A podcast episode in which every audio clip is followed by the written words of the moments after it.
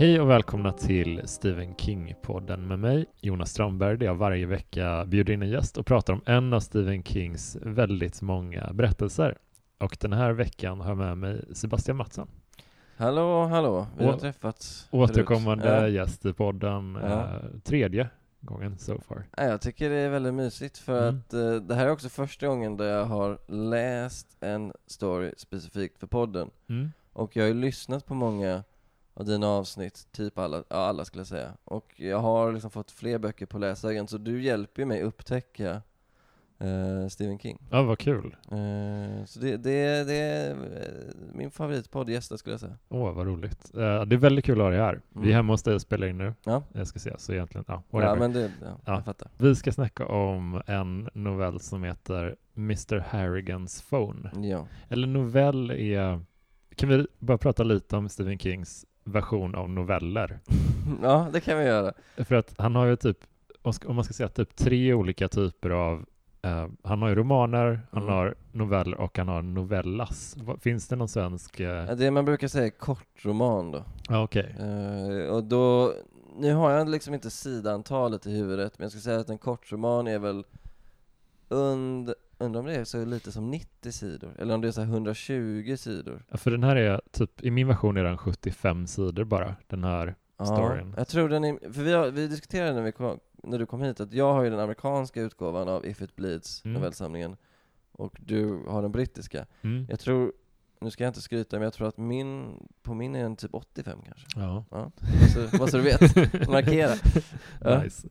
Men eh, det är ju lite min första approach till Kings uh, jag ska säga lång, eh, kortromaner. Det var i eh, Different Seasons som är Mm. en samling med eh, Rita Hayworth and the Shawshank Redemption Mm. och Apt Pupil och The Body som sen blev uh, Stand By Me och en till. Det är kul ändå att han, alltså så här, folk sliter för att få en enda grej filmatiserad och så, så här, han på en novellsamling får Stand By Me och Shawshank Redemption, som jag tror säkert båda är på IMDB topp 250. Ja. Alltså, ja. Verkligen, jag såg om Stand By Me väldigt nyligen och bara jävlar vad den håller bra alltså. ja. Den, Det var eh, länge sedan jag såg den, men jag, jag minns den som väldigt Ska vi berätta om skämtet jag drog med min, ja. var kort, det, väl, det, det har ändå med podden att göra, för att vi, senaste gången jag var med i din podd så var ju jag och Gunnar Relin, Mm. gamla filmkrönikor, programledaren gäster, Prata om pestens tid. Prat- pratade om pestens tid. Och eh, i efterhand då så, så nämnde jag, eller jag, jag såg att du, skrev till mig att du kollade på Stämman hur mycket du tyckte om den. Och då lurade jag min flickvän som också gästat den här podden, att Gunnar Relin hade, för jag lånade intrigen för Stämma mig, hört av sig till dig och mig för att han hade hittat ett lik och ville att vi tre skulle gå ut och titta på det som är Stämma mig. Och hon gick på det, vilket är helt sjukt. Det är så kul att Gunnar Relin har träffat oss en gång, hittar ett lik, ringer inte polisen utan hör av sig till oss. För att nu ska vi gå och kolla på liket. Vi knäpper våra värld. ryggsäckar.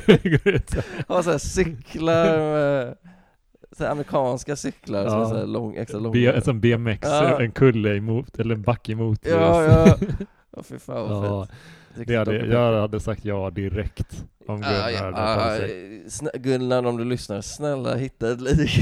Och Visst var det väldigt kul att podda med, med Gunnar också? Det var eh, Vilken underbar otroligt. människa. Ja, verkligen. Och vi pratade ganska mycket både före och efter podden. Mm. Typ nog till en till podd. Ja. Så han, eh, jag tycker vi, kan inte vi tre spela in en ny podd? Ja, Han har ju definitivt. läst allt så. Ja, alltså Det är bara att jag, jag är ju den som har läst minst, jag får väl läsa ikapp då så att Gunnar kan komma tillbaka. Alltså, ja lätt, det måste vi göra. Ja. Men vad, eh, ska vi se här. Ja, Mr. Harrigans Phone, den kommer då från novellsamlingen If It Bleeds som Mm. släpptes 2020. Eh, ganska nära The Institute som var poddens första ämne. Mm. Och den innehåller fyra eh, kortromaner. Mm. Ja, kortromaner är rätt skulle jag säga. Ja, för att det är fel att säga noveller nästan, känner jag. Eh, jag har nyligen uh, doppat tårna lite i Skeleton Crew, som Mm. är en annan, eh, mer traditionell novellsamling med Ja. typ så här 25 korta stories. Där är lite mera vi pratade lite innan vi, bör, innan vi började spela in att det är lite svårt med sådana här typer av böcker. Mm. För att även om man tycker om en novell Mm. i den, så när den är färdig, då är ju berättelsen klar. Mm. Och så lägger man ifrån sig, det blir ett naturligt tillfälle att lägga ifrån sig boken. Ja. Och mentalt så har ju inte, finns det inga olösta trådar riktigt då, för att storyn är färdig Nej. och man har bara läst en fjärdedel av boken, typ. Ja, och grejen är väl att jag, jag har ju läst en del av novellsamlingar och jag tycker, vilket är väldigt trist, att i efterhand, om jag kollar tillbaka på novellsamling ett år senare, så minns jag typ en novell. Även om Mm. jag minns att jag tyckte novellsamlingen var jättebra, Mm. och att jag kanske gav den en fyra eller femma på Goodreads, så tittar jag på den här novellsamlingen av typ Richard Yates eller Munro och tänker fan jag kommer bara ihåg en enda. Mm. Fan vad trist att jag bara försvunnit. Mm. Och det, det, det, det hör väl kanske lite till formatet, vilket ja. Men jag, jag gillar ju noveller som form väldigt mycket. Och fler Mm. romaner borde ju vara noveller. Verkligen. Många romaner är alldeles för långa.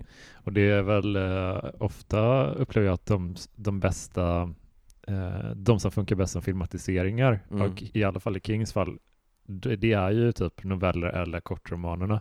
Ja. De långa böckerna behöver vara typ dyra tv-serier för att det ska funka. ja, för det är så mycket mer story i en roman än i en långfilm. Alltså Mm. det går inte att jämföra. Men eh, det är kul ju för den här, det upptäckte vi innan att den här uh, Mr Harrigans Phone ska ju bli, eller har redan blivit film och kommer Mm. väl till höst nu på Netflix. Ja.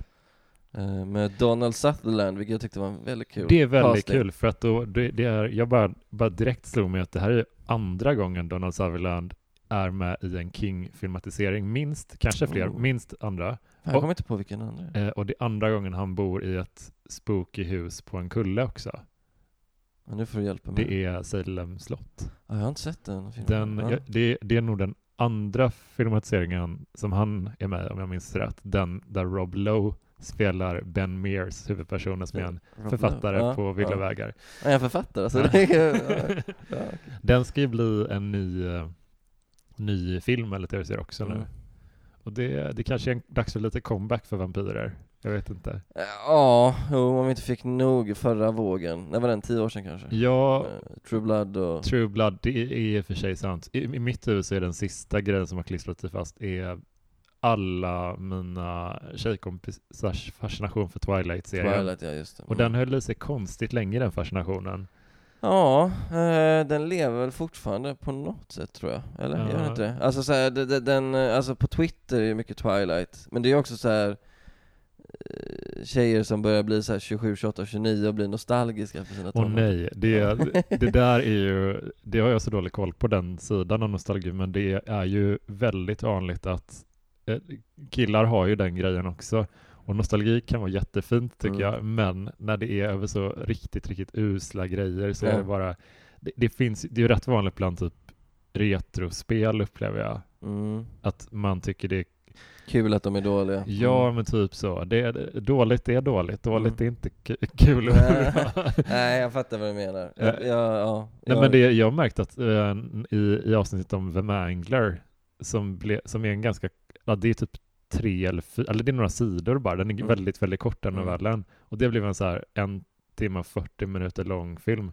mm, jag lyssnade på det avsnittet, det verkar Det- ha varit en otroligt dålig film. Det är helt sjukt hur dålig, och, och i det fallet så tänkte jag innan, ja men jag, jag pratar med Branne och Jens, de tycker Mm. också det är kul med lite dåliga filmer, Mm. men jag fick typ så här pausa två gånger för att Mm. bara, det gjorde ont i huvudet av att titta på så, det var så dåligt ljussatt. Problemet var, och- du såg den ensam, eller hur? Ja, Ja, man ska alltid se dåliga filmer med en kompis och då ska man släppa på regeln att man inte får prata under filmen. Ja. Man ska sitta och trasha den tillsammans. ja då det är det kul. är en bra idé. Så ring Man, mig man känner sig bara, ja det ska jag göra. Ja. Man blir så olycklig när man ser dålig film ensam. ja, och det är liksom ingen så här att komma med saker, som Jerry Seinfeld säger någon, när han ska se den här Plan 9 from outer space ensam Mm. bara, Vem ska jag säga mina sarkastiska kommentarer till?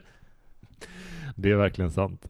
Men eh, det är ju väldigt kul för att eh, Netflix har ju tagit någon sorts roll i Stephen King-filmatiseringarnas värld. Så det. de plockar upp så här lite konstiga Det titlar. här 1922 såg den, jag. ja, och Mm. Tall grass eh, också. Ja, den, såg jag också. Men ja, just det, den han skrev med sin son va? Ja, Mm. Owen väl, kanske. Va- va- Det var inte, det var inte Joel? Nej, jag blandar alltid Nej. vem var de som gjorde vad. Men Ja. han skrev det med en sina söner i alla fall. Ja. Och den blev också en så här 90 minuters Netflix-film typ. Eh, och så, Minns den inte som så jättebra nej, nej, jag tycker inte den funkar så bra Men jag tycker premissen var kul. Ja, ja, Mm. verkligen. Och på samma sätt som det här nu, det är en väldigt, alltså den är berättad på ett väldigt komprimerat sätt, den Ja. här storyn. Vi kan bara dra liksom plotten typ. Mm. Eh, Vi följer eh, en ung kille som väldigt, eh, väldigt tidigt är läskunnig och är duktig på att läsa. Mm. Förstår inte exakt alltid allt han läser, men han, han, han får läsa högt ur Bibeln i kyrkan Mm. och får ofta ta den rollen. Och då börjar han extra knäcka som läsare, typ. Ja, högläsare. Ja, men hos en, eh, en gammal rik före detta företagsledare som bor i, i, i byn. Ja, exakt, en, en, en multimiljardär som Ja. har flyttat då till den här lite avsides eh, hålan i Maine Precis, för att komma bort från allt liksom. just det. Och han, eh, den här grabben kommer dit och läser böcker från honom och hjälper till lite med småsaker och bara är en samtalskompis Mm. typ. Mm. Och det är ju lite, inramningen är lite un- underlig. Jag, hade jag varit pappa till, man hade varit Ja. vaksam ändå. Men pappan hintar ju om det, pappan frågar vid ett tillfälle så här, han, han tafsar inte på det va? Ja, Och sen säger sonen nej och skämtar om det. Och då är det klart sen. det som är befriande är att det är ju inte heller en sån situation. Det, det känns så lite ett, ett konstigt trött och, och konstigt icke-Stephen King också på något sätt. Med, med, med Att det, skulle vara, övergrepp. att det skulle vara det som var den centrala konflikten. Ja, det vore kul också om det bara var, eller kul vore det inte, men om han hade med ett enda övergrepp Mm. på typ två sidor och sen bara Som kommit- sen förläts. Alltså förlät sen bara aldrig nämndes igen. Gud, konstigt. Nej, det, det, det som händer är liksom att det, det är en lång, lång etablering av, eh, av den här relationen. Att Mm. de blir närmare vänner och eh, grejen är att eh, den här rika gubben, han har en tradition att han liksom varje år så ger han sådana små lott, skraplotter i present till sina anställda Mm. och business partners och allting. Och eh, ett år så vinner den här pojken 3000 dollar det, ja. och eh, bestämmer sig för att eh, ja, men jag vill ändå ge honom tillbaka lite, så Mm. jag ger honom en liten present. Så han Mm. köper en, en iPhone till den här gubben. Den första modellen va? Första den allra första iPhone För 2000. den, den utspelar sig ju nu, eller så här, den, han skriver från nutiden, Mm. pojk, eller killen, mm. men han skriver ju om sina pojkor, så när är första året? 2004 eller någonting va? Jag tror den första iPhonen kom 2007. Okej, så den kanske... Så de- den kanske men, börjar men lite jag tror innan storyn det. börjar 2004 Ja, och sen det 2007, ja, ja exakt. Så han är där några år Mm. liksom. Och eh, den här gubben är väldigt teknikfientlig Mm. från start. Han tycker inte alls om, han är helt ointresserad ja. tills pojken då visar honom aktieappen. Mm, och då vänder han. Ja. Ja, ja eh, och, då, och då blir han ju hooked på något Mm. sätt vid, vid, vid den här telefonen, den tidigare så te- teknikfientliga mannen, Ja, som ju är ju mid-80s. ja. Eh, Går aldrig till läkaren, sköter nej, sin... äter bara så här corned beef, jag vet inte riktigt vad det heter på svenska, det är sån här, Ja. är det så här köttfärs i burk typ? ja, det är så konstigt. Man har så här konstiga havrekakor han äter Ja. också. Det är riktigt... det känns som att han är rutten inuti. Ja verkligen, han har bra gener så han lever. Men Eh, det är också så det är så konstig mat som dyker upp i Stephen King-världen som Ja. jag aldrig orkar kolla upp riktigt. Men vad heter det? Hamburger helper? Är det någonting som... jo, det? exakt, men det har jag också hört, alltså det, det är Eller hamburgerkött typ. Ja, som man typ gör själv, ja, det, det, låter så jävla äckligt. Nej men amerikansk, har du någonsin varit inne på så här US stores i Sverige så vet man att de äter så det är groteskt. Deras godis och chips är äckligt. Ja, det är mycket gelé. Ja, de, de, är, de är ganska dåliga på det. Ja, det är de verkligen. Eh, nej men, f- vi får spoila lite eller? Ja, vi kan för spoila. den här killen, den här mannen är ju 86-85 så han, han dör ju. Mm. Och då, eh, av sentimentala skäl så ser på, eh, killen, nu kommer jag inte ihåg vad han heter. Eh, Carrie, heter han Carrie? Nej? Eh, han Fan heter heter... Uh, gud, vad hette han? Craig. Craig, just det. Eh, då ser Craig till att mannen, eh, Harrigan då, Hannigan, förlåt. Uh, Jag måste ju kolla. Harrigan. Hannigan. Blir begravd med sin, med sin telefon, eh, plus också att han skriver ett sista meddelande till honom. Just det. Typ, jag, jag, jag, jag kommer att sakna dig liksom. Mm. Och sen då så, den här killen är väl hyfsat ensam, så vid ett tillfälle så eh, ligger han vaken och beslutar sig för att ringa Mm. till den här telefonen bara för att höra mannens eh, röst i telefonsvararen och det kan han fortfarande göra och redan då blir han lite konfunderad för han tänker att vänta lite mobilen borde jag ha laddat ur Mm. det här ska inte riktigt gå, alltså varför går det signaler? Och sen fortsätter han ringa lite senare då mobilen definitivt måste ha laddat ur men fortfarande går det signaler och då börjar han tänka vad är det som pågår? Mm.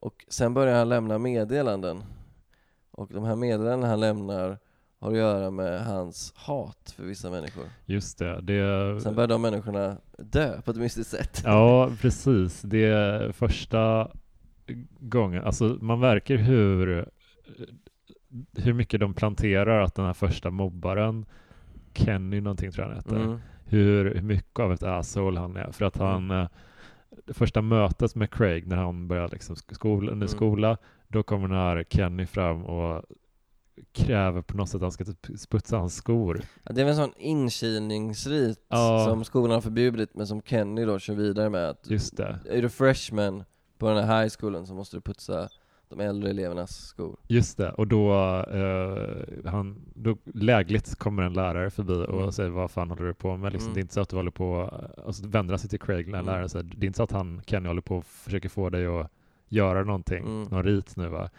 Och Craig eh, golar inte ner Nej. den här snubben, vilket man hade tyckt varit, hade varit en, en schysst grej. Det är ju ändå så här, Han borde ha vunnit Kennys respekt ja, sätt. men, Kenny, är bara en Kenny är bara ett asshole som du sa.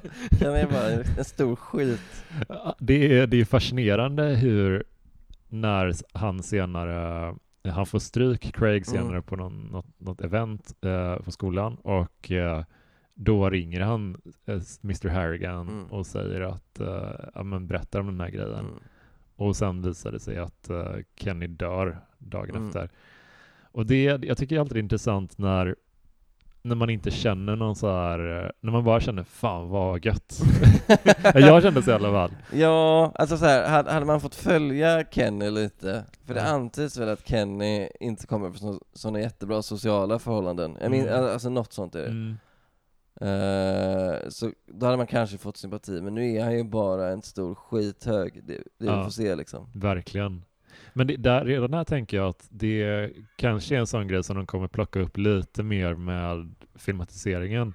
Att göra honom lite mer Ja men Eh, att man får, fyllig, se, liksom. man får se Mm. Kenny lite mer hemifrån kanske. Lite som de gör med It-mobbaren. Ja, jag tror det också. För jag, jag, jag, jag tror att, alltså så här, Vi måste bry oss mer om hans Ja. eh, död. ja exakt. Ehm, för här är han ju verkligen bara en, en hemsk mobbare. Ja, det, det på, alltså hela konceptet påminner lite grann om en anime som heter uh, Death Note. Ja, jag har sett lite på den, ja.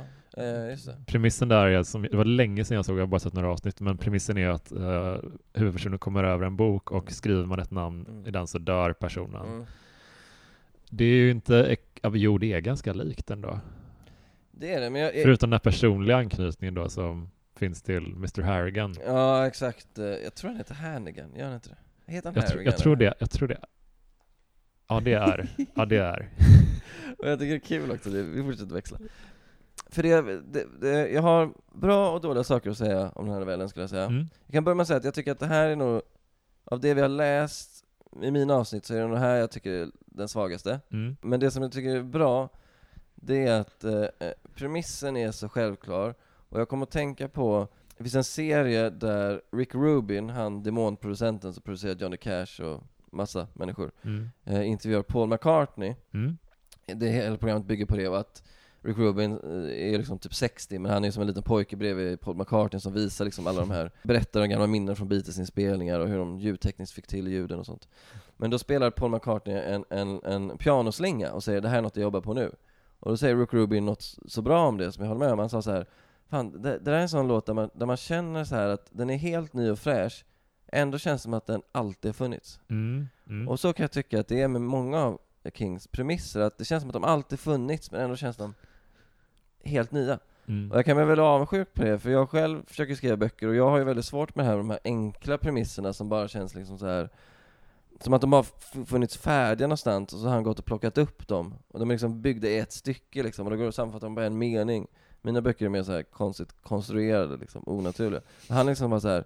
Det är samma sak med, med Lida som jag vet att ni har pratat om i den här podden, att så Mm. där, den premissen är så perfekt liksom. Mm. Och, och, och, och, och känns som att den alltid borde ha funnits, men den har den inte. Men den känns så ren, och den här är också väldigt ren, den här premissen med, med telefonen och allt det där. Så, så, så, så det tyckte jag det tyckte jag mycket om måste jag säga. Jag tycker mycket om det eh, hur förbundet sluts mellan Harrigans spöke då, eller Mm. ande, och eh, Craig. Mm. I och med att, som du berättar om att det är faktiskt Craig som upptäcker att Harrigan har dött. Mm. Han kommer hem till honom på morgonen och eh, då ringer han am- ambulansen, han ringer sin pappa Mm. och sen plockar han på sig telefonen, skriver det här meddelandet och vid begravningen så sätt, lägger han tillbaka den i, Mm. Harrigans ficka. Mm. Eh, Det är ju så, det är en sån tydlig mytologi kring det. Mm. Det är ty tydligt att det är, det är det som triggade den och grejen. inte heller, han, han, King är ganska bra på det att han blir liksom inte överdrivet pedagogisk på det sättet att han måste förklara det på ett vetenskapligt sätt utan Mm. nu är det bara så här. Ja, deal with it. ja, och jag tycker också att det var ett eh, en grej som jag kan störa mig på i uh, framförallt kanske uh, young adult-världen är att det enda sättet att kunna skildra något sorgligt eller ett trauma det är att någon ska dö eller liksom att, Mm.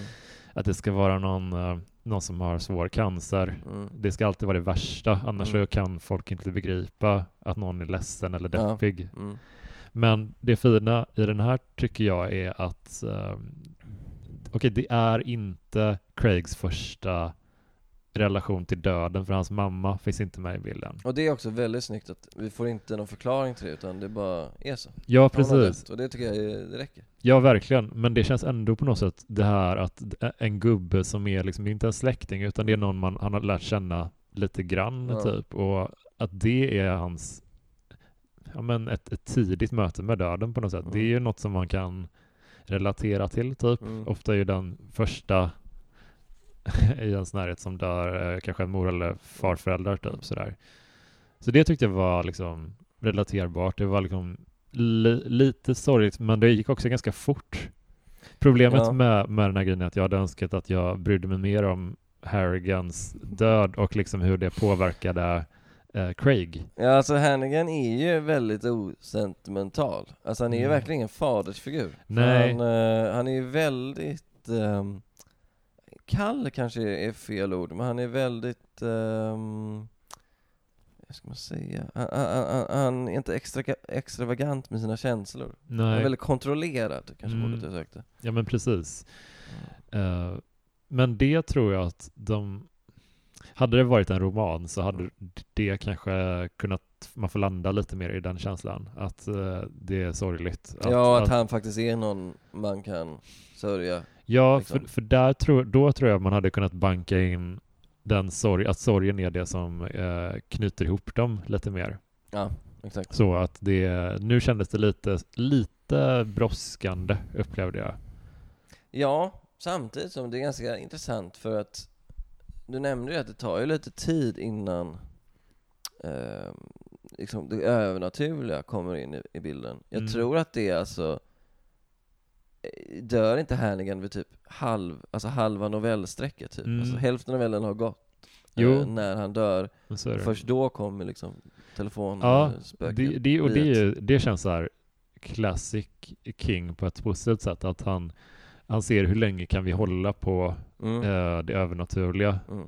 Liksom att man, han stretchar det lite grann ibland och säger ja men kan Ja. vi hålla så här? Och, så, och bam, där släpper vi spökbomben. Ja, exakt. Och då, då bygger jag ändå karaktär. Och det, det han ägnar ganska mycket tid åt, vilket jag tycker är ganska spännande att han gör, det är att han... Eh, för den här boken skrivs ju 2020, mm. men han gör det med en tillbakablick på 2004. Mm. Så han liksom... Är liksom, no, nostalgi är fel ord, men han är liksom lite efterklok. Han till, till exempel Hannigan tidigt inne på... Hannigan får ju sin mobiltelefon och så går han in och läser massa nyhetssajter. Mm. Och då säger han ju så här, men är de dumma i huvudet? De kan ju inte erbjuda det här gratis, då kommer alla vänja sig vid att det blir gratis. Och sen när de börjar ta betalt för det så kommer ingen vilja ta, betala för det. Mm. Alltså att han ser framför sig så här brandväggs... Eh, han gör liksom Hannigan till något geni som redan då fattar att fan ni måste, eller brandvägg, betalvägg. Alltså att, att ni redan då måste som införa betalväggar för annars kommer folk vänja sig vid att det blir gratis. Och alltså jag som jobbat som journalist vet att det här stämmer ju att, Mm. att att det var ju ett, det är ett jätteproblem att få folk att betala för det för att man är van vid att det är gratis och får man Mm. inte gratis på ett ställe så går man till en annan nyhetssajt och läser liksom. Mm. Och också att Hannigan säger något stil med vilket, det vet, det, det, han säger så här, ja man kanske ska köpa aktier i det här lilla företaget Apple. Och tänker man såhär, men okej okay, här igen, 2004 Apple, eller 2007 Apple, Ja. ganska stora då också. Ja. Så, Om de precis har släppt iPhone Ja. då också och redan innan det, iPods, i, alla, allt var helt sjukt. Det var så konstigt. Det var ju mer av en grej i, i First Gump. Då Ja. snackade de om att ja, jag köpte aktier i något ja, fruktföretag. d- ja exakt, ja. Det var ju det man köpa rimligt. Liksom.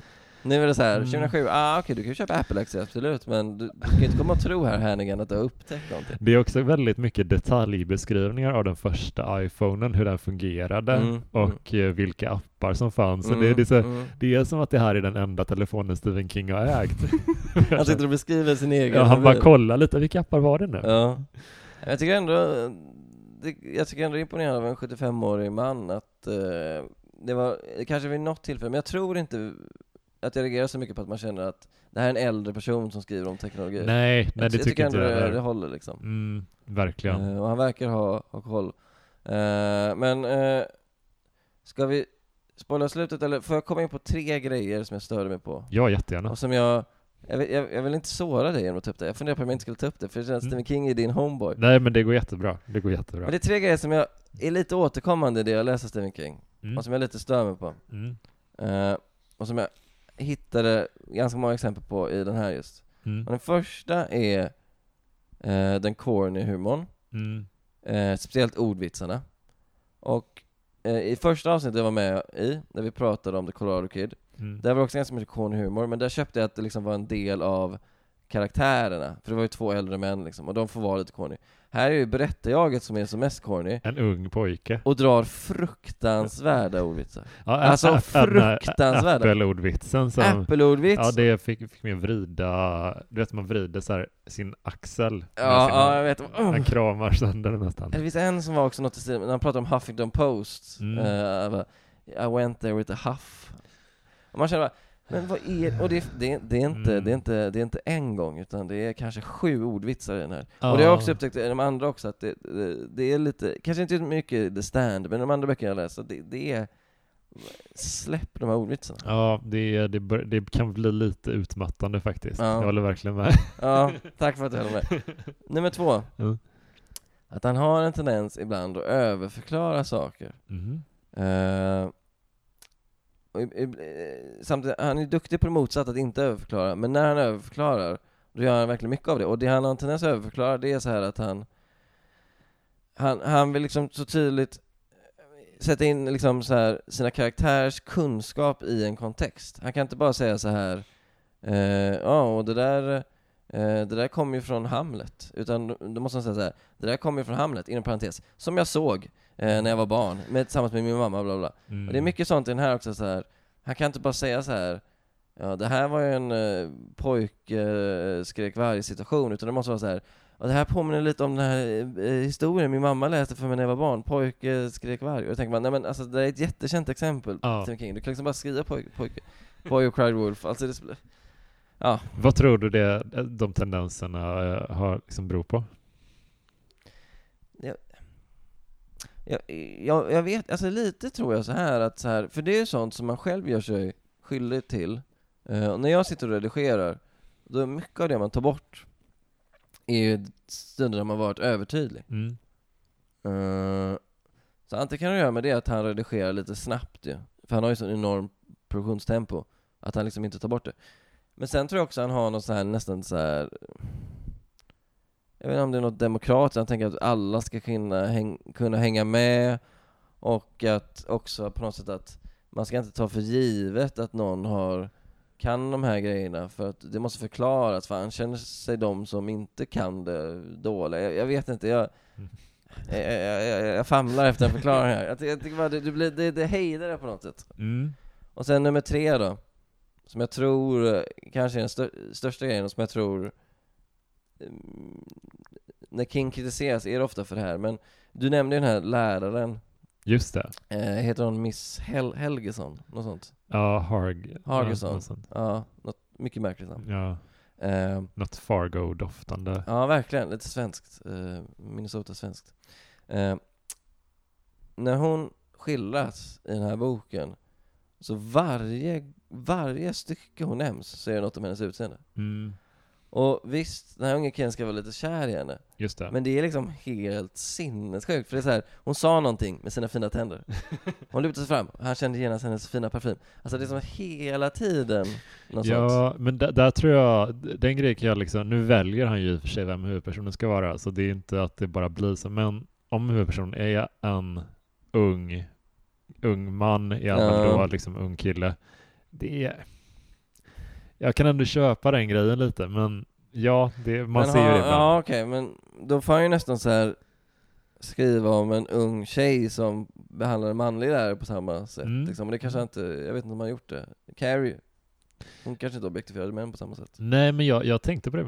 Vi ska göra ett speciellt avsnitt om Carrie också, Mm. men den, det är så sjukt hur... Där tycker jag han är oerhört bra på liksom... Jag tycker inte han är dålig på att gestalta kvinnor. Det är, inte, det är inte det som är problemet. Det, Det pratade vi om med underbara Gunnar, som sa ju att Stephen King är feminist, och det, det, det, det tvivlar jag inte nej, på. nej, nej. Och, jag, och han har gjort jättebra kvinnoporträtt, det, Mm. det tvivlar jag inte heller på heller, heller. Utan det är ju bara det här att han, Jag tycker heller inte är någonting... Det handlar inte om att ung, unga karaktärer, de får inte ha någon sexualitet. Nej, nej. Det är inte heller det som är... Det är ju bara att man, man har tänkt på det ett par gånger nu, att det, och när man börjar tänka på att någonting dyker upp ofta, då... här var det också mängden, alltså här var det så här. Mm. kapitlerna med, eller kapitlen, styckena med Hargison, där var det liksom Alltså shit, jag får ju hela hennes jävla uppenbarelse s- slängd på mig Men, men hon och hennes eh, man eller snubbe, Mm, de blir ju påkörda, ihjälkörda av en Mm. rattfyllerist typ. mm, Och det sista som samtalet som den här killen Craig, när han, det han gör till Mr Harrigan, Mm. eh, det är att säga, berätta om den här personen kommer nog inte få sitt straff typ. Ja. Eh, eh, Lös den. Ja, precis. Och det tror jag, hade hon bara varit en inspirerande lärare så Ja. tror jag kanske inte att han hade, jag tror att han behöver ha den där pojkaktiga förälskelsen i henne också. Ja, Det, men- bör- det, det ja. kan inte riktigt bara vara en, eh, en inspirerande förebild. Nej det håller jag med om. Jag tror, men det kanske är att man tycker att man kan gestalta förälskelse på lite olika Mm. sätt. Jag, jag, jag, jag, tyckte den här liksom um, förälskelsen förhöll sig lite för mycket till hennes utseende då kanske. Det Mm. är kanske är det jag tänker på. Mm. Ehm, sen ja, ska man också vara rätt att säga att han, han tycker om henne mycket för att hon det här måste jag också prata om. Eh, För det, det är inget fel med King utan det är en allmän grej jag tänkt på. Men Mm. eh, efter eh, han har blivit då misshandlad av den här Kenny. Just det. Det kan vi beskriva att eh, de är, det är en fest, vad är det för sorts fest? Är det en prom? Nej? Ja, men någon, någon sorts, är det inte någon maskerad eh, liknande typ? Ja. Ja, nå- något sånt är det. Och då eh, går han ut och då blir han påhoppad av den här Kenny som spöar honom rejält. Eh, och eh, hon tar hand om honom, ger honom någon sorts eh, märklig kräm eller någonting. Jag vet Mm. inte vad det är. Men det vi måste, måste bara prata om. Eh, jag vet inte om du också har tänkt på det, men jag tror många kan känna igen sig i det att amerikaner är så sjuka i det att de typ accepterar mobbing Ja. och stryk som så här en naturlig del av någon skolgång. Kenny är en brottsling. Ke- Kenny liksom, Han ska sitta i ja, ungdomsfängelse. han, när, han, han, liksom, han har fått liksom fem knytnävsslag i ansiktet. Hans Ja. pappa kommer och typ säger så här, slog du tillbaka? Mängder med vittnen. Ja, Alla vet om att det har hänt. ja. Jag håller verkligen med. Det Och sen- borde, sen bara, haha, var är de juridiska påföljderna? Och, och det känns som att det, det är gång på gång. På Vet gång. du, det sjuka är att det här, jag hade accepterat det mer om det hade varit, det förekommer ju sådana rätt grova grejer i typ It också. Mm, det är Eh, längre bak i det, tiden. är- Ja precis, det är typ 50-talet det Mm, spelas i då, då var det ju så, men nu känner man så här. Nu, det här är 2010 typ. Ja, det, är liksom, det är inte... Och, och det känns som att det är allmänt så här amerikanska serier att, alltså så här, om, om, man- om, man, om man skildrar mobbing i en svensk kontext, då är det liksom, då är det som en avvikelse, som något som är fel. Mm. Medan en typ high school-film, där är mobbarna nå- de ska finnas där. Det är helt Ja. naturligt. Och lärarna tycker typ det är okej, föräldrarna tycker typ det är okej. Alltså så här, Det är en naturlag. och jag känner så här, nu när jag själv fått barn, kanske jag tänkt innan så här att hade någon slagit mitt barn, då hade inte Mm. jag bara suttit och liksom skrattat samma kväll och bara "Ah, Nej. ah, undrar om han åker dit. Jag hade sagt så här, nu ger du mig namnet på den här personen så jag kan söka upp honom och missa Ja. Alltså Ja, ja. han blir djurisk. Han blir så här, jag kommer, att, jag kommer inte att sova förrän du har fått ditt straff. Nej men det är ju det värsta jag vet alltså, och jag har inte barn, men när man, när man ser sådana scener i filmer, det bara, Mm. jag, jag vill ju att den personen ska dö. Alltså det, det, det, det finns liksom ingen proportion i det nej, nej, nej, man bara, jag, jag, jag lägger bort allt, är en liberal, Ja, jag, civiliserad jag människa, bryr nu mig inte om du dö. att det är inte en färdigutvecklad Ja. person, jag skiter Skit i det. att du kommer från socioekonomiska Jag bryr bekymmer. mig Nej, inte. nu, nu, Jag bryr Kenny, inte. du ska stryk, du ska spö. Nej, och den här pappan tar det ganska bra. Liksom. Han säger ah, du fick Ja. stryk, och så berättar han själv stories där han fick stryk. Men Alltså, jävla sopa. Och vet du, jag tror det är därför man, man bryr sig. amerikaner Ja. De är så jävla dumma. Ja men USA är ju ett u-land på så många sätt. Ja. Alltså, och det här är ju en sån aspekt i det. Och, och bara det att, jag tror det, det är kanske där en anledning till att man inte bryr sig om att Kenny sen dör. Ja. En, en ung pojke som, Mm. som han, Craig då, Mm. indirekt dödar. Mm. Ja. Man bryr sig inte, man tycker inte det är sorgligt. Nej. För att ingen annan bryr sig om mobbingen heller. I, i hans värld så, han kommer inte få ta några konsekvenser av Nej, det här. nej. Nej, men då kanske inte, alltså, Nej, exakt så här. Det- om det- inte ni hjälper mig, då får väl jag ta tag i det här själv Ja, då, du, typ. spöket är ju den enda instansen som bryr sig. Pappan Mm. har ju typ glömt det, samma Ja. kväll liksom. Hans, hans son sitter där sönderslagen. Ja. Usch. det är- det är märkligt och- Men det är och- ingenting mot King, för så tror jag faktiskt, jag tror det är ganska realistisk återgivning av hur Det funkar tror jag USA. Det verkligen. är därför alltså. aga fortfarande är så vanligt där också, för att våld Ja. är liksom, det är en del av deras kultur på ett annat Men sätt. det är också hur liksom. de behandlar djur typ. Det ser man ju Ja. också i, i jättemånga filmer och serier att de har liksom typ hunden bunden på gården Ja, eller i någon jävla bur hela dagen. Ja. Alltså det är ju liksom Verkligen. omänskligt Och behandlat. dogfights. Det är helt sinnessjukt ja, alltså. Nej, jag, jag håller med. Men Eh. eh, ja, ska vi dra oss till slutet lite av berättelsen? Det, det kan vi göra, det kan vi göra. Mm. För det som händer då är att eh, Craig inser att det här, eh, det här måste få ett slut. Typ. Mm. Han inser själv att han, det jag läser in att, för det han gör då är att han, han gör, ringer sin sista samtal, Mm. tackar Mr Harrigan för allt och sen Mm. så kastar han telefonen i sjön. Men också att han får, för han har ju fått eh, sms från Hannigan Mm.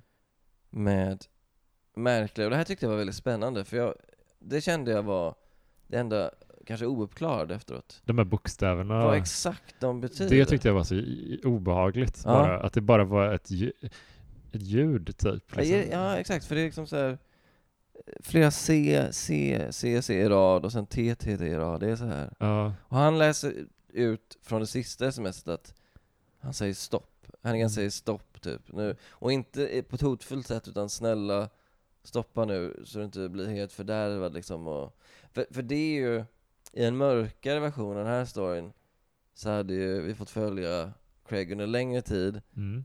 och där morden kanske blir mer och mer triviala, typ så här.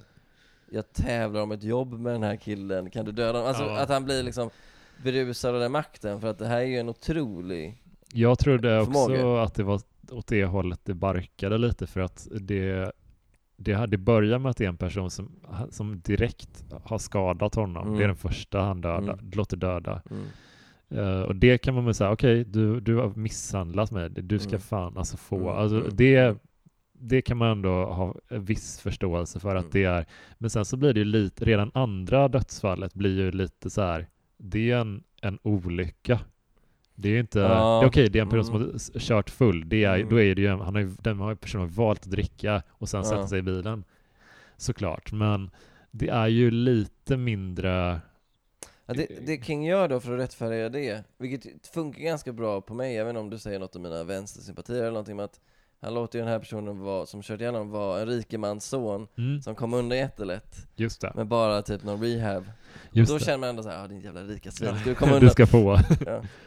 Ja men så, så kände väl jag lite också att det, men, men Jag hade gärna sett en tredje, för att se om den här att trenden fortsätter. ja och där det är liksom lite mer, ännu mer luddigt att vänta lite, är det verkligen rätt att mörda den här killen? Ja, att det, det är där, någon som ja. han nästan inte har någon koppling till till slut. Mm. Att, ja men så kändes liksom det ju. förlora sig i det nästan. Det är ju svårt med, ba- med bara inom citationstecken Mm. två dödsfall och se Mm. trenden men, men det kändes lite som att det var det redan det tidigt började Mm. dra längre och längre bort. Mm. Och när Harrigan säger det här sluta stopp, smset, Mm. Mm. det tolkar jag lite också som att ja, men, Harrigan vill ju bara vila i frid. Han vill ju inte hålla på och ge, han, kan, kan, han vill bara vara i fred. Ja, du tolkar det så. Jag tolkar det nog mer som att han ändå känner ett omtanke. omtanke och så här, bli inte som jag typ nästan. Bli inte så känslokall och förstörd Craig. Han bara, jag har inga problem med det här, men jag tänker på dig. jag, jag having the time of my life liksom. Det känns ju som att i en riktigt risig uppföljare så skulle någon så här, ja men de skulle ha någon, någon, någon byggarbetare som, Mm. som råkar hitta Mm. den här telefonen och Mm. den funkar fortfarande. Ja, ja. Och så blir det som i Jumanji, Welcome to the Jungle. Ja. Typ. Herregud. ja. Det, var det där med The Rock? Ja, Ja, sett. Det, var, Ja. det är det sämsta jag har sett. Ja. Det var en kompis som satte på den bara för att nästan reta mig och den Uff, var... ja, det, det var provocerande. Mm, den, var, den är fruktansvärd film. Eh, nej, så jag hade nog, även om det var väl, jag hade nog kanske lagt till ett dödsfall till där man, äh, Craig blev prövad på ett annat sätt. Mm. I en filmversion skulle jag nog göra det tror jag. Ja. Och då kan han ju välja att sluta där. Eh, men nu kändes det som att han så här. Han hade ju liksom fått sitt, och då väljer att sluta, då är det inte lika mycket på spel, för han har ju ändå Just det. dödat de här två. Just det. Det vore mer om han, om han slutade trots att han var lockad att döda någon. Mm.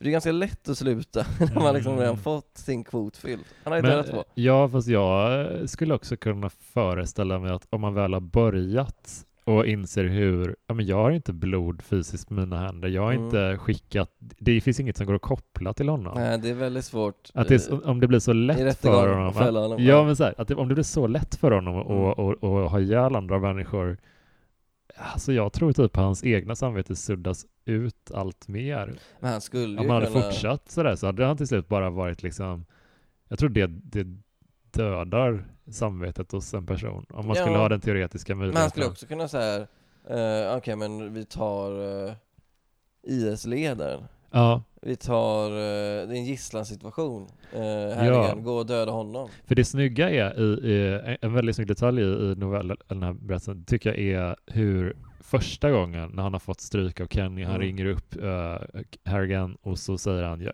jag tror han slutar med jag önskar han var död. Jag kommer inte ihåg, kommer du ihåg det? Uttalandet, en direkt Ja, det är önskan något sånt. han... He'd be better off dead. I wish he was dead. Något Ja, sånt. Ja. ja, men något sånt. Men han vet ju ändå inte att, att Harrigan har kap- är kapabel att göra det. Nej, exakt. Och det tycker jag är så jävla snyggt, för sen när han märker, då blir han ju chockad. Oj, var det jag som gjorde det Ja, där? ja. Och börjar undersöka omständigheterna kring Men det är också bra att, för att i många sådana här eh, fantastiska scenarion så är liksom eh, huvudpersonerna allt för länge går de och tänker det, att det inte kan ha skett något övernaturligt. Ja. Här är det ganska snabbt att Craig fattar, okej det, det Ja. är nog jag, det var nog jag. Nej men alltså, det är inte så. Hade han från början av någon anledning vetat att eh, om jag ringer Harrigan, då kommer det här ske. Mm. Då är det då är det ett konstigt stort steg för Mm. en, en helt liksom en vanlig ung person Ja. att bara vilja döda en Mm, annan direkt. mm. Och, och, men det, i och med att första gången är lite av en olycka, Ja, typ, så blir nästa gång lite mera trovärdig, upplever jag. Ja. Att han bara, aha, okej, jag har, han har redan börjat sudda ut sitt samvete lite. Ja, Alltså det, är inte, det är gränser. liksom inte jag på något sätt. Nej men Eller det är precis. inte han tänker, han tänker det är inte jag. Precis. Det är ju ändå, Så den psykologin Indirekt. bakom det tycker jag ändå känns väldigt trovärdig och liksom, ja. Jo men det, det, det, det håller jag med om. Det håller jag med om. Eh, men eh, det... eh, alltså så här, jag hade inte velat ha... det- längden är ju perfekt tycker jag för den här premissen. Mm. Men det är kanske att jag kände att det var...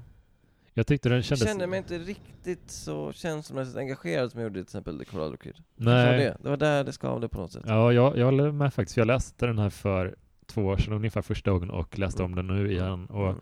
första gången så tyckte jag den var så, sånt ös bara. Mm. Det var full fart hela det, det, storyn. det, det kan jag Om det är ändå så fint gestaltat Ja. mötet mellan liksom eh, Craig och Harrigan Mm. typ och, Mm. och sådär.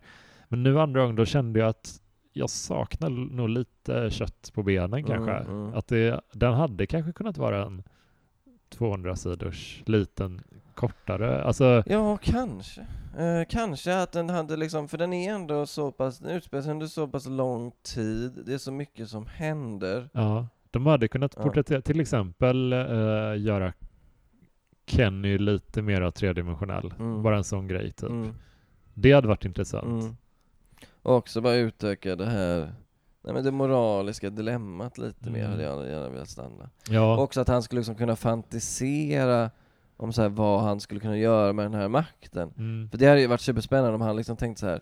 Vänta, är jag en superhjälte nu? Kan jag, som jag sa, döda terrorister? Dö alltså så här, att döda är ju inte enkom Vet du, en, en grej som hade varit kul om de hade kunnat spinna på hade varit att om han behöll den här telefonen, alltså man behåller massa skit alltid Mm, liksom. mm.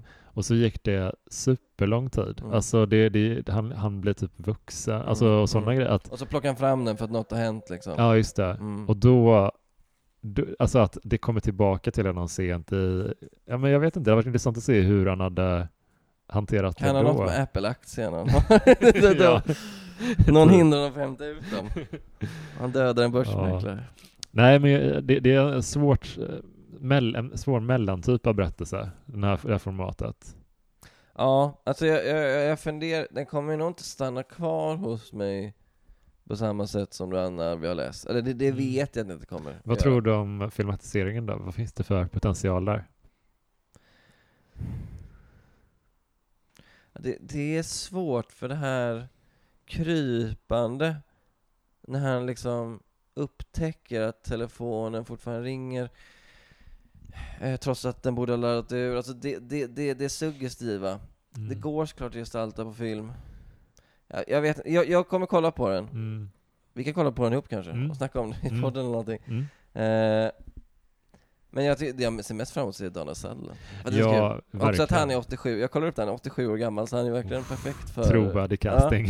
Verkligen.